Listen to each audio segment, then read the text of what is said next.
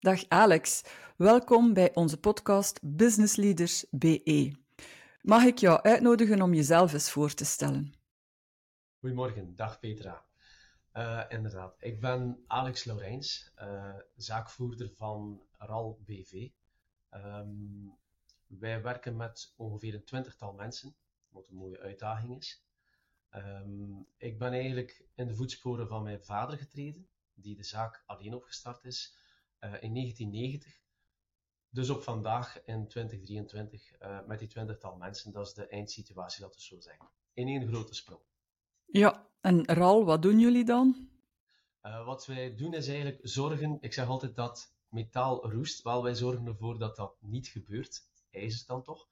Maar op vandaag zijn we ook uh, uitgebreid dat we ook aluminium kunnen behandelen, uh, ook verzinkt staal. En met behandelen, wat houdt dat in? Dat, dat wij um, door stralen metalliseren, zink aanbrengen, door poedercoatings aan te brengen, eigenlijk het metaal algemeen een esthetische look geven, maar voornamelijk waar RAL voor staat, is dat dat zeer lang in de tijd uh, effectief zo blijft.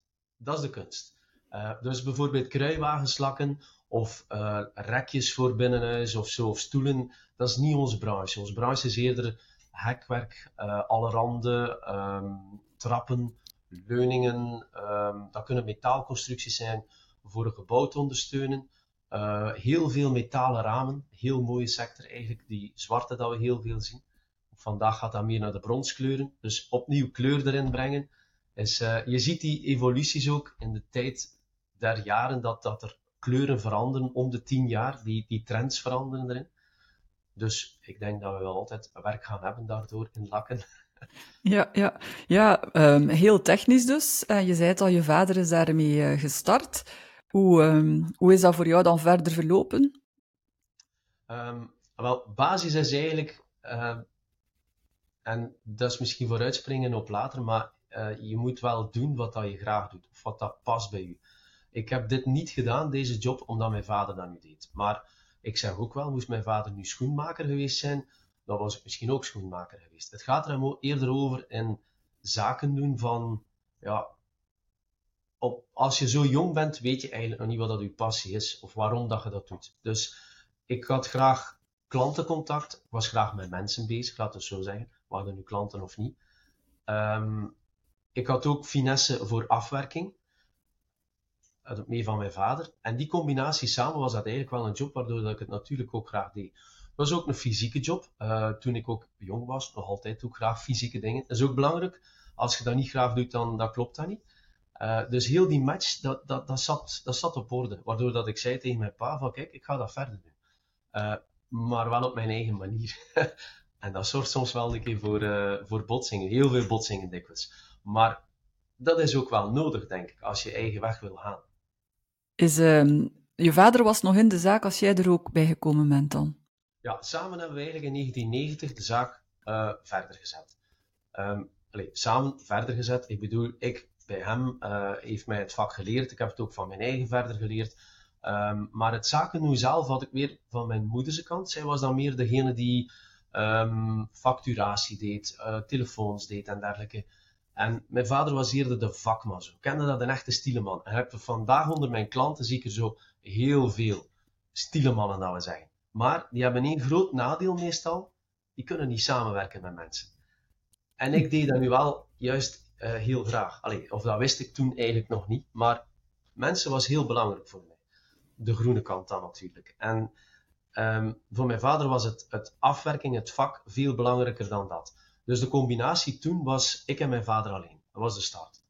Hm. Maar uiteraard, ja, als, uh, als je een beetje succes begint maken, ja, dat lukt dan niet meer. En dan moet je beginnen met mensen natuurlijk erbij te halen. Of anders heb je twee handen en daar moet je het mee doen. Of in ons geval vier handen. Ja, dus heb je dan uh, gradueel uitgebreid of is dat rap gaan boomen of hoe is dat dan verlopen?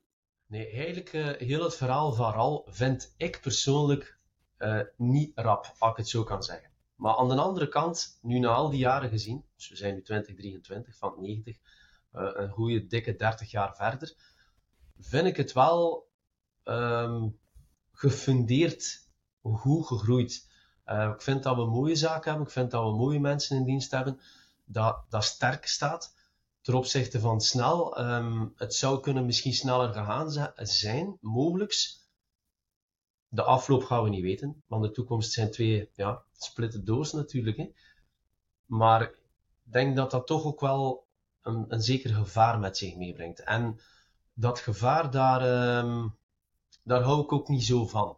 In de zin van, ik heb heel veel collega's, uh, nee, niet heel veel, ik heb een aantal collega's die starten die met sprongen vooruit gingen, waarvan dat ik dacht van, hm, met een beetje een jaloerse blik, zo van, waarom kunnen zij dat en ik niet? Um, maar dat klein aantal is er ondertussen echt wel niet meer. Door foute beslissingen, door hele grote investeringen te doen, die in onze sector toch wel risicovol zijn, want zo'n investering moet gedragen worden door de omzet die je maakt van de lak, laten we zeggen, de behandeling die je daarop aanbrengt. Wij maken niks. En dat zorgt ervoor dat dat eigenlijk een zeer, zeer kleine marge is.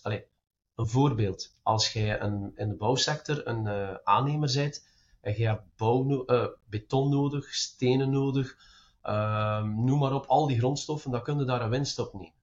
En dat zorgt al voor een gedragen gedeelte van uw, uw bedrijvigheid. Onze grondstoffen in algemeen dragen maximum 15% van de omzet uit. Neemt daar de helft winst op, bij wijze van spreken, ja, dan gaat je 7,5% extra hebben, maar daar gaat het niet meer redden om je zaak te doen draaien. Dus al de rest komt eigenlijk uit uh, personeel, diverse, diverse en diensten. Daar komt eigenlijk heel het geheel uit. En dat zorgt ervoor dat je heel verstandig moet omgaan met je groei, met je investering. Ja, en die groei, um, hoe, hoe, snel is dat dan? Hè? Dus je zegt rap en niet rap. Hoe, um, hoe lang zijn jullie al met die twintigtal medewerkers? Wel, um, als ik misschien dan de historielijn probeer te schetsen van die 1990 tot nu, uh, daar zou ik, er zitten een aantal mijlpalen in, uiteraard. en laten we zeggen, na eerste jaar, tweede jaar was het al snel de omzet, allez, groeide, uh, we konden niet meer bijbenen, ik en mijn vader. Dan zei ik, pa, jong, we gaan hier iemand om bijpakken. Ah ja, we kennen niemand. Ah, voilà. En nummer 1 was aan boord, bij wijze van spreken. Nummer 1 is nu wel uh, niet mooi gezegd, maar laat het mij zo stellen van de eerste werknemer. Dat was een hels gedoe. De eerste werknemer, ik herinner me nog, dat was, wauw, dat was het een en het anders. Hè. Dat was een echt, en we hebben niemand. Maar eigenlijk wisten niet goed hoe dat doen. maar goed. Uh, uiteindelijk, dat ging goed, maar ja, er kwam nog meer werk. Ja, dan moesten we dat verdelen onder ons drie. Dat ging ook niet, dus er kwam dan een tweede iemand. Ja, dan kreeg je met die twee, dat ging al goed, maar er kwam dan snel nummer drie bij. Maar en dat weet ik nog goed, met, nummer, uh, alleen met de derde werknemer erbij, ja, dan kon je zelf niet echt meer meewerken, want de ruimtes werden beperkt en er moest een planning gebeuren. En er moest ook uh, afspraken samen met die planning, met facturatie, dat werd al veel, en naar klanten beginnen gaan dat was zo, ik, dat, dat werd al richting ja, een bedrijf worden, laat het me zo zeggen. Niet dat dat geen bedrijf ervoor was, maar oei, er kwam, kwamen nieuwe dingen op mij weg waar ik nog geen weet van had. En dan eigenlijk, ja, dan hebben we helse dagen gedaan, jaren nog gedaan, zijn de werken, werken, werken, werken. Uh, sommigen zeggen, ik heb dag en nacht gewerkt. Zou dat nu ook kunnen zeggen, maar ik weet aan één ding, je moet ergens slapen ook. Maar het is wel zo. Om dat uit de grond te stampen, uh, heb ik eigenlijk nadat de werknemer om zes uur naar huis ging, begon ik met de tweede laag van toen nog verf aan te brengen. Dat was normaal. Uh, ik ken een heel goede vrouw die daar heel veel begrip voor had. Uh, want ja, niet iedereen zou dat zomaar nemen, laten we zeggen. En dat was ook zo. Ik denk dat onze buren altijd dachten dat ik uh, heel laat op café zat. Dat kon niet anders, want dat gebeurde soms om 11 uur, 12 uur, 1 uur s'nachts. Dat ik de sleutel in de deur stak thuis. Maar dat is een situatie die je een tijd kunt doen, maar die niet houdbaar is. En ik denk dat sommige uh, zelfstandige ondernemers daar misschien zich ook nog wel kunnen in herkennen. Maar ik weet niet meer of vandaag als dat nog gebeurt. Maar alhoewel, ik hoor van klanten dat het ook nog voorkomt. En dan zitten we eigenlijk in een periode voorbij 96 naar 2000 gaande. En toen, naar 2000, zaten we ongeveer met een vijftal mensen. Kon ik bijna niet veel meer meewerken, behalve altijd buiten die uren omdat de ruimtes waren mooi ingevuld door de mensen die het deden.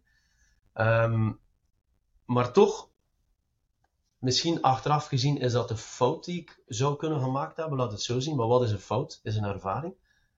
waarom moest, wilde ik toch nog altijd die aanvulling doen, s'avonds laat, um, om toch nog dat extra eruit te halen. Misschien moest ik meer nagedacht hebben van, we moeten dat anders organiseren. Weet ik niet. In elk geval, in 2000 begonnen we met poederlakken in plaats van uh, schilderen. Schilderen, spuiten met verf. En waarom die keuze? Omdat poederlak, je kon dat in een oven steken, je kon dat bakken en een half uur later, bij wijze van spreken een uur later, had je een product die, die na het afkoelen kon meegenomen worden door de klant. Dat was een heel ander iets dan met verf. Met verf moet je zoveel uren wachten. Uh, als je het niet kan verwarmen, ja, dan, dan kan dat uh, een dag tot dagen zijn. Dus primer aanbrengen, lak aanbrengen, dat was een veel langer proces. Maar dan kregen we een hele ommekeer. Als je s morgens om 5 uur startte, kon je tegen 8 uur bij wijze van spreken een afgewerkt product afleveren. En dat was iets nieuws. Dus met die vijf mensen die we toen in een team hadden, in 2000, zijn we gestart terug met uitbreiden, omdat we de ruimte kregen, naar 7, 8, 9 mensen tot, laten we zeggen, uh, vooraan 2011. Ik ga straks vertellen 2011 waarom dat, dat ook weer een mijlpaal is. Uh, maar een andere mijlpaal is, uh, mijn vrouw Nadia toen, uh, die in de banksector werkte, maakte tussentijds de facturen al mee, want ja, mijn moeder werd ook een jaartje ouder, had ook de moderne manier niet meer mee. Dus je voelt het al komen van, zeg, ze zou ook niet beter in de zaak komen. Ik zeg, eigenlijk zou dat wel een goed idee zijn. En dat was eigenlijk wel een, uh, een mooie verandering, zijnde um, qua aankoop. Dat kon ik uh, aan Nadja overdragen, facturatie, administratie, maar dat was totaal mijn ding niet. Daar werd ik niet gelukkig van. Dus, en dan nam zij heel graag ter harte. Ook dat heeft eigenlijk nog twee jaar geduurd, dat onze leveranciers um, daarmee, ja, laten we zeggen, dat ze, die belden mij van, Alex, ik zou je daar en daar, en, uh, allee, ik heb duizend ton, ik heb zoveel uh, straalmiddel aan die prijs, en, maar ik zeg, dat is bij Nadja dat moet zijn. Ja, maar ja, maar ja, maar ja, maar ja, dat heeft twee jaar geduurd, en dat ze dat eigenlijk aanvaarden. En Nadja herinnert zich ook nog die periode, ook klanten die zeggen, ja, wat gaat hij mij nu vertellen over de behandeling? Want wat weet jij daar wel van? ook daar was zij eigenlijk technisch ook wel sterk in. Waardoor dat ze vandaag eigenlijk ja, de functie van, van volledig onthaal uh, perfect kan doen met, uh, met aankoop en dergelijke meer. Dat we eigenlijk een, een goede match zijn daarin. Mooi. 2011, uh, poedercoating, de, man, alleen de lakkerij, een man of 4, 5, het stralen, een man of 3, 4, dus 7, 8, 9. En je werd gewaar, ook daar weer, toen ik dacht van, en nu kunnen we snel leveren. Opnieuw is dat volgegroeid. Dus dat zie ik zo als een, telkens een trapfase vol aan het plafond. Hoe breken we de plafond door? Oké, we kunnen weer verder. Weer een nieuw plafond. We zaten dan weer aan een plafond dat we langere levertijden kregen. Dus 2011 was uh, het moment dat we in ploegen gegaan zijn. Ploegen, ja, hoe doe je dat? Je hebt een, aantal, je hebt een groep mensen en dan moet je gaan zeggen van, wij gaan in ploegen. Wil iedereen dat wel? Kan iedereen dat wel? Dat is een hele gezinsommezwaai. En dan zag ik in het bedrijf wel ook mensen die daarop afhaakten. Uh, niet alleen met ploegen, maar die zeiden: Dit bedrijf wordt mij te groot. Dat was ook nieuw. Die konden gedijen in een bedrijfje met vijf man, waar ik altijd tussen liep. Uh, maar die met ja, meer dan 11, 13, 14 man, dat ging niet, niet meer blijkbaar. Dat, was, dat, ja, dat, ging niet in hun hoofd. Dat zeggenschap was misschien wel weg, of dat eigenschap. Um, of eigenaarschap bedoel ik. En dan kregen we een kleine wissel van mensen, maar toch nog een kern die bleef. En uiteindelijk waren we vertrokken met ons ploegensysteem. Tot op vandaag nog altijd. Om zelfs verder te gaan, het woordje nachtploeg is al meerdere malen gevallen de laatste tijd. Dus dat zal nu opnieuw het volgende glazen plafond zijn die we gaan verhogen. Wow, een derde ploeg dan. Ja. En zo eigenlijk uh, ja, zitten we met een aanvulling en is het continu een wikken en wegen tussen uw uh, bedrijfsoppervlak, gebouwen, want wij doen dus niks op verplaatsing, en het, de machines, en daar kijken hoeveel mensen kan je daar optimaal op inzetten. En met optimaal, dat heeft te maken met kosten-baten natuurlijk ook. Op een gegeven moment hadden we te veel mensen in dienst. Uh, dat was dan misschien leuk te vertellen aan uw vrienden en kennis. Dan gezegd, oh, ik werk met zoveel mensen, maar er kwam geen winst meer uit. Of break-even ja, dan denk ik, wat ben ik hier fout aan het doen? En dat is een moeilijk evenwicht die je continu moet behouden. ook in hoogconjunctuur en laagconjunctuur zie ik dat terugkomen.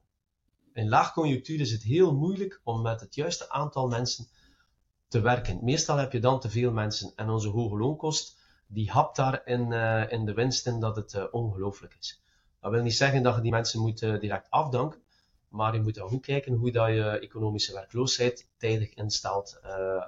of, of ja, ik zeg, je winsten vliegen gewoon weg. Ja, wat is... Um... Antwoord op uw vraag van traject. Ja, absoluut. Heel duidelijk. Hè. Dus, uh, dus ja, ik vind dat wel een sterke groei. En wat ik uh, mij dan afvraag is van, je bent er eigenlijk ook gewoon zelf in doorgegroeid van, uh, met, met twee, met je vader alleen. Het is nog altijd een familiebedrijf, maar er zijn ook heel veel anderen toch al bij. Um, hoe is dat voor jou geweest om, om daar leiding aan te geven? Dat niet meer gewoon is, ik werk met mijn twee, twee rechterhanden of zo, maar ja, nu heb je echt wel een ploeg, je zei het zelf, je kan er ook niet altijd meer bij, bij zijn overal. Hoe is dat geëvolueerd voor u? Um, vallen en opstaan, um, maar ik ben uh, een ongelofelijke spons, zou ik zeggen, naar, naar leren. Ik keek altijd op naar mensen waarvan ik kon leren en waar ik nog denk, wat ik niet wist, wilde ik leren kennen. En ik denk dat dat wel zeer belangrijk is, altijd die, die ik noem het kinderlijke nieuwsgierigheid, maar het is niet kinderlijk, want het is echt wel zakelijk, op alle vlakken. Als ondernemer moet je eigenlijk zoveel kennen.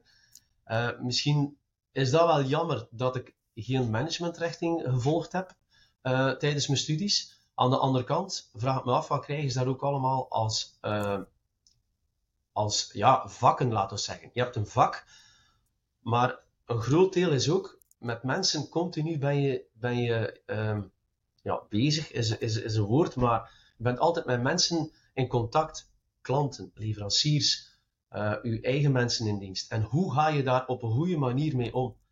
En ik denk, uh, we hadden het voor uh, de opnames al uh, licht over de, de insights gehad. Is toch wel een doorbraak, want ik was altijd op zoek, eigenlijk als ik het zo nu reflecteer, naar die zelfontwikkeling, zelfkennis. En dat was begonnen met uh, ooit de Big Five. De Big Five was eigenlijk een, een kennismaking hoe je mensen selecteert, maar daar had ik niet zoveel aan in de zin van wat kan ik daar niet mee doen. Interimkantoren hebben daar heel veel aan om selecties te doen. Uh, de volgende stap was eigenlijk MBTI. Dat was eigenlijk uh, enorm verrijkend. MBTI, de eerste keer dat je eigen leest je van, wauw, dat ben ik ik. amai, amai, amai. Maar dat was dan eerder misschien ego-strelend dan, want dat is altijd wel een stukje ego-strelend. Ik denk iedereen die zijn eigen leest, op welke onder, bevraging ook, die zegt van, ah ja, ja, dat klopt, dat klopt. En dan zie je negatieve kanten ook, maar dan, oh ja, ja, die, ja, oké. Maar die positieve daar, eigenlijk is dat ook niet zo slecht, vind ik. Maar oké, dan heb je zo 16 types MBTI. Wat doe je daar dan mee?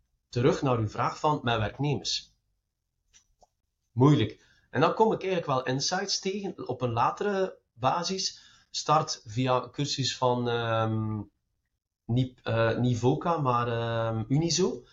Ik, weet, ik maak hier geen reclame daarvoor, maar, maar ik vind het goede ondersteuning voor ondernemers. En um, dat was eigenlijk een, een eerste welkom ja, van oké, nu begrijp ik, zeg ik altijd tegen iedereen, waarom dat die ambetant zo ambetant is. Die is niet ambetant, maar die is anders. Dus als ik dan terugkijk naar mijn, naar mijn leiderschap uh, in het begin, trok dat ook niet veel in de zin van, ik had een kopie van mijn vader eigenlijk mee. Nou, het zit in uw genen, hè. Vader vakman zijnde, en zo moet dat doen. Ja, dat werkt niet. Zo moet je dat doen. Moet alleen is al het woordje dat er te veel in zit. Dus daar heb ik wel mee geworsteld. Was ik uh, uh, zeker bij de eerste werknemers. Ik wilde dat zij het deden zoals dat uh, eigenlijk ik vond dat dat de beste manier was. Want ja, dat had wel zijn bewijzen al geleverd, dus je moet daar niet aan twijfelen, zo moet je dat doen. Maar hoe? Toch wel gaandeweg krijg, of, krijg je dat inzicht wel van, ja, dat geeft discussies, onnodige discussies, daar haalt het niet mee. Uh, wat brengt het bij? Het geeft u ook geen, geen energie of voldoening, zou ik zeggen, achteraf. Telkens dat u kwaad maakt op iets, wat brengt u dan verder? Niks. Helpt uh, de persoon er niet meer verder? Er, helpt er zelf niet meer verder? En je bereikt er toch uw doel niet mee. Je moet wel eigenlijk in, in ja, in, in uh, confrontatie gaan of eerder met elkaar in overleg gaan van wat wil ik als doel en hoe zouden we dat kunnen aanpakken. En op die manier, eigenlijk gaandeweg, kom je toch wel verder om met mensen, personeel om te gaan. En ik hoop dat ze mij dan ook wel zo zien. En ik zou wel stellen dat ze dat ook wel zo zien vandaag. Want ik kan van mijn eigen wel zeggen hoe, hoe ik denk dat ik overkom. Maar ik moet het toch altijd nog wel de bevestiging krijgen van mensen. Maar dat is ook al gebeurd, dus vandaar dat ik weet van, oké. en hoe, hoe zou dat dan zijn? Of hoe, hoe, hoe, wat zeggen ze dan? Um, ja, dat ik enorm veel geduld heb. en dat is ook wel zo. Maar het heeft ook een keerkantje dat ik te veel geduld heb. Dus uh, je zou ik zeggen, ik kan het verwerken en blijf het voor mijn eigen wel positief maken. En nogmaals positief maken. En op een gegeven moment komt er een, een eindlimiet dat ik zeg van ik ga dat niet meer positief kunnen krijgen. En dan zeg ik ja, sorry, maar dit is het einde. En dan valt men achterover. Uh, de mensen die dat meemaken met mij, die zeggen ja, maar oeh, die zagen het niet aankomen. Uh, dat is ook nog zeker een werkpunt. Ik, dat is al iets verbeterd, dat ik het feedback sneller geef. Uh, maar dat ik niet wacht tot het einde, tot eigenlijk, ze zeggen, de letterlijke bom ontploft dan. Uh, en en dan, dan is er ook geen terugkeer meer. Ja, dus de, je gaat een beetje het conflict uit de weg tot als het niet anders meer kan. Ja, ja. En uh, Petra, zeker niet te onderschatten ook de vele gesprekken die ik met Pascal gehad heb, want ook daar hebben we insights ook uh, nog beter leren kennen. Um, toch ook een aantal mooie trajecten gevolgd. En dan, allee, het is een opbouw van elementen die ervoor zorgt dat je beter begrijpt hoe, hoe de wereld, hoe de mensen in elkaar zitten. En uh, je moet er natuurlijk voor openstaan. En ik denk dat toch wel heel wat bedrijfsleiders daar ook voor openstaan. Maar ik zie er ook die er totaal niet voor openstaan. En die heb ik ook gelukkig kunnen, uh, gelukkig is totaal het verkeerde woord, ook kunnen meemaken. Hoe het is, die, um, iemand die daar geen rekening mee houdt, die op een heel andere manier ernaar kijkt. En dan denk ik bijvoorbeeld aan uh, uh, crisismanagers. Ik heb daar een, een, een, zeer stereotyp beeld van, van crisismanagers. Die heb je nodig om een bedrijf te redden. Maar ik heb zo de overtuiging van eenmaal dat die crisismanagers weg zijn en het geheel na zes maanden loslaten of na één jaar, dan kan ik niet geloven dat dat bedrijf uh, solide genoeg is om te blijven bestaan. Dat heeft winsten opgeleverd, maar die mensen pakken dat op een heel andere manier aan. En dat kan ik u verzekeren, daar speelt de mens geen rol in. dat heb ik ervaren. En dat was goed om zien van, oké, hebben wij ooit uh, zo iemand gehad? Ik bedoel, we hebben geen crisis gehad, uh, dat niet. Maar we wilden het bedrijf nog perfectioneren. Ik ben er zo diep beginnen in graven met mensen erin, uh, dat ik dan gezien heb hoe die te werk gingen. En dan dacht ik van, ja, maar ja, dat botst hier volledig in tegen mijn leiderschapsstijl. En dat, dat ging niet. En toen dacht ik van, ja, misschien heb ik de verkeerde leiderschapsstijl. Ook dat heb ik nu al kunnen nuanceren. Nee, zeker niet. Het is een andere. Maar zo'n bedrijf uh, zou ik niet willen wat, wat zij toen aan het vormen waren. Kan het niet leven. Ga niet, aan geen kant. En wat was dat dan? Wat, wat was daar dan wat dat niet klopte voor jou? Wel, dat zijn eerder um, leiderschapstijlen die ervoor zorgen, of die, een, die kunnen heel mooie bedrijven uit de grond op zeer korte termijn uh, laten groeien. En terug naar dat groeien, misschien sluit dat wel aan met dat ik zeg, het was traag, maar eigenlijk wel oké. Okay. Heel snel uitgroeien, mooi bedrijf maken, um, de euro's zorgen dat die binnen zijn in die bol, klaar om te verkopen, verkocht. Maar dat is mijn doel niet. Dat is het verste van mijn doel niet. Uh, geld maakt mij niet gelukkig. Oké, het is een cliché-term. Uh, maar het maakt mij ook niet gelukkig. Aan geen kanten. Ik zeg niet dat ik er tekort wil hebben. Maar het maakt mij gewoon niet gelukkig. Uh, daarvoor hebben mensen in uw bedrijf ook nodig die daar gelukkig van worden. Of die daar wel achter zitten. Is dan een CFO, dan heb je die nodig. Want stel dat ik dat niet had en mijn CFO is Nadja dan ging dat hier ook niet goed gekomen zijn. En ik, dat wil niet zeggen dat ik niet met geld kan omgaan. Dat wil ook niet zeggen dat ik investeringen niet goed bekijk. Maar het maakt me gewoon niet gelukkig. Het menselijke deel maakt mij veel gelukkiger dan En hoe, hoe uitziet dat concreet? Want ik krijg dikwijls de vraag van ja, een keer dat je met meer dan, dan vijf à tien mensen bent, je kunt niet meer overal telkens continu aanwezig zijn. Hoe zorgt jij dan dat dat menselijk deel en dat die band, dat die, dat die nog goed ja, dat die optimaal verloopt? Maar gelukkig met 20 mensen kunnen nog altijd overal aanwezig zijn, Petra. Dat, dat is perfect. Als je iedere morgen een keer langs gaat of smiddags, of soms een keer meehelpt, dan kende je iedereen bij voornaam, weet iedereen wat dat zijn probleem is. Ehm, want allee, ja, dat, dat kan perfect als je daar de tijd voor maakt. En de tijd, dat duurt niet zo lang. Gewoon, um, je moet niet met iedereen vijf minuten staan babbelen, maar je voelt aan wie dat vijf minuten nodig heeft en je voelt aan wie dat 30 seconden nodig heeft. En ik denk dat dat een enorme bijdrage is. Dus dat is al naar personeel toe. Wat dat uh, klanten betreft, is eigenlijk gewoon luisteren. Wat wil de klant? Uh, wat, wat, waar heeft hij behoefte aan? Um, daar goed naar luisteren. En dat gaat hem dan ook over zijn kwaliteit. Want wat is kwaliteit? Je kunt dat niet beter omschrijven als um, doen wat dat de klant vraagt. Doe het te, te weinig, dan gaat hij niet tevreden zijn. Doe het te veel, dan kost u dat geld. Dus luistert, en dat is kwaliteit. Mensen verstaan dikker zonder kwaliteit. Ja, en dan moet het beste en dit en dat. Dat kan zijn dat het beste voor die ene klant zegt van, ja, kijk, je dat heel goed gedaan, uh, maar, maar ja, uh, dat, dat, interesseert mij eigenlijk niet zo. Die zijn er, die klanten hebben wij ook. Ik heb daar klanten waarvan dat jij je uiterste best gedaan hebt, die zeggen, ja, mm, niet, uh, jammer, maar, maar dat, dat puntje dat erop zit, dat had ik toch liever niet gehad. Dan denkt je, ja, doe me. Ja. Dus, um, maar ik vind dat een, een sport eigenlijk. Een, uh, een dagdagelijkse wedstrijd van trachten één materiaal op tijd te leveren, goed te leveren, de mensen tevreden te houden. Dat zijn al drie punten. Ik denk dat dat een dagjob is. Ja, ik denk dat dat een hele uitdaging is. En ik denk ook dat uh, wat dat voor u zo blijkbaar nog een evidentie is van uh, met die twintig mensen, ik loop daar rond, ik doe een mee, ik voel dat wel aan. Um, volgens mij is dat wel een, een van de kwaliteiten die het verschil maken voor jou of bij jou. Ik denk niet dat dat zo evident is voor iedereen. Ik weet zeker dat, uh, dat toch een, ja, een groot aantal, weet, een aantal mensen die niet zouden werken in dit bedrijf, moest ik dat niet doen. Um, en ook, allee, we, we stimuleren ook uh, de mensen van het managementteam om dat ook te doen. En in feite moet je dat niet stimuleren, want je ziet dat dat ook klopt.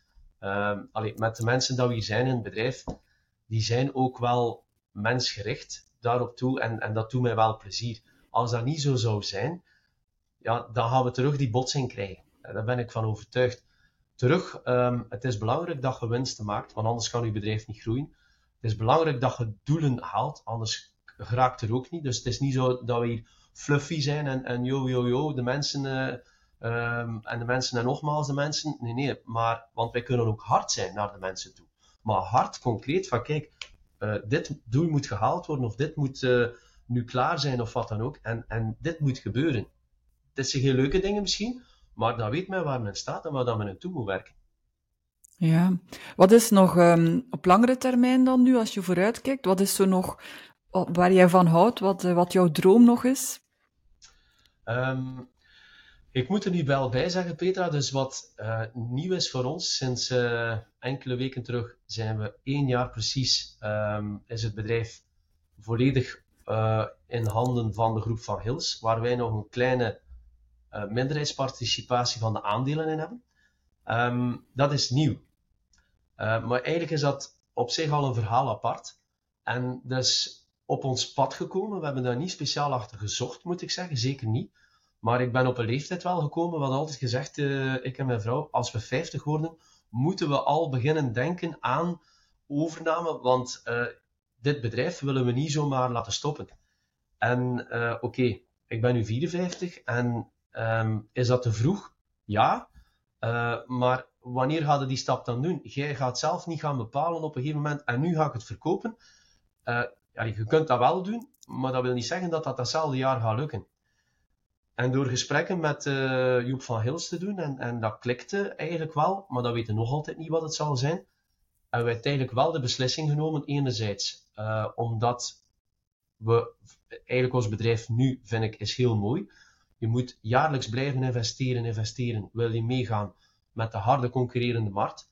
Dus uh, financieel gezien geeft dat toch wel een druk, mede met onze leeftijd zijnde, dat we niet de zin hadden om blijven en blijven te investeren en dat risico telkens te dragen. Dat er niemand mee is die dat financieel risico kan dragen. Eén. Twee, um, je zou kunnen zeggen, doe het niet. dan kan er op termijn een, uh, een concurrent gaan komen in de regio waar we nog harder moesten tegenboksen. Dus ja, ook dat is een belangrijk punt om daar gewoon in overweging te nemen. Wil ik dat of wil ik dat niet? Um, en dus het leuke er was ook, als ik vroeg van wat is onze rol nu in, voor de toekomst dan, um, had Joep nu gezegd, ja, uh, eigenlijk doe nog een jaar mee en dan uh, is het gedaan. Dan denk ik niet dat we dat zouden gedaan hebben, want eigenlijk, we doen onze job nog altijd heel graag. En wat we doen, die kennis ervan, ja, die wil je... Ik, ik zeg dikwijls tegen klanten, wat denkt je, dat we op het strand van Tenerife uh, gaan liggen of zo voor de volgende zes maanden. Ik zou niet weten wat ik daar ga doen. Surfen ja. dat is leuk, maar daar komt een einde aan. En uh, daarmee dat ik zei van, eigenlijk uh, hebben wij geen einddatum hierop. Uh, en zo ziet Joep van Hils dat ook wel, dat hij zei van, eigenlijk wil ik goede bedrijfsleiders in het bedrijf houden, die het bedrijf op een goede manier verder leiden. Dan, dan, hebben wij akkoord natuurlijk. Ja, super. Dan is, dan is mijn vraag eigenlijk van, want um, ja, ooit gaat het wel, ga je er wel uitstappen. Wat wil je nog? Wat is nog de droom tot als je echt het achterlaat? Wanneer heb je het goed gedaan als bedrijfsleider om dat achter te laten? Ja, nou, mijn persoonlijke kleine droom is toch nog altijd uh, volledig verder uitbouwen van het bedrijf. Uh, zijnde, um, ik zie dat als een tweede lakkerij die er zou kunnen bijkomen, uh, waardoor dat we opnieuw nog sneller levertijd zouden kunnen aanbrengen. en terug dat is niet die zucht naar, dat heb ik nooit gehad, die zucht naar groot worden, maar het is gewoon eerder een, een zucht naar op snel kunnen leveren, goede service kunnen afleveren, kwaliteitsvolle machines hebben om dat te doen. En dat, dat blijft mij energie geven, dat blijft mij boeien. Dus, um, en wat daarna zal zijn, als dat er dan ook staat, dan denk ik dat we terug een gesprek gaan hebben en dat ik wel misschien weer een, een nieuw doel zal hebben. Maar er zal een goed evenwicht moeten zijn tussen, uh, ja, tussen uh, uiteindelijk uh, werk-privé. Dat klinkt ook weer zo'n cliché, want ook daar heb ik wel een visie over. Van, we moeten een goed balans werk-privé hebben. Ja, oké. Maar als jij gelukkig bent in je dag, dagelijks zijn, heb je dan ook geen balans in je privé? Is het zo van, uh, kap, nu is het werk, kap, nu is het privé? Dat klopt dat volgens mij ook niet. Nee, en zeker bij jullie, het is toch familiebedrijf, het is zelfs uw vrouw die te, in de zaak meezit. Dat loopt heel sterk door elkaar. Hè.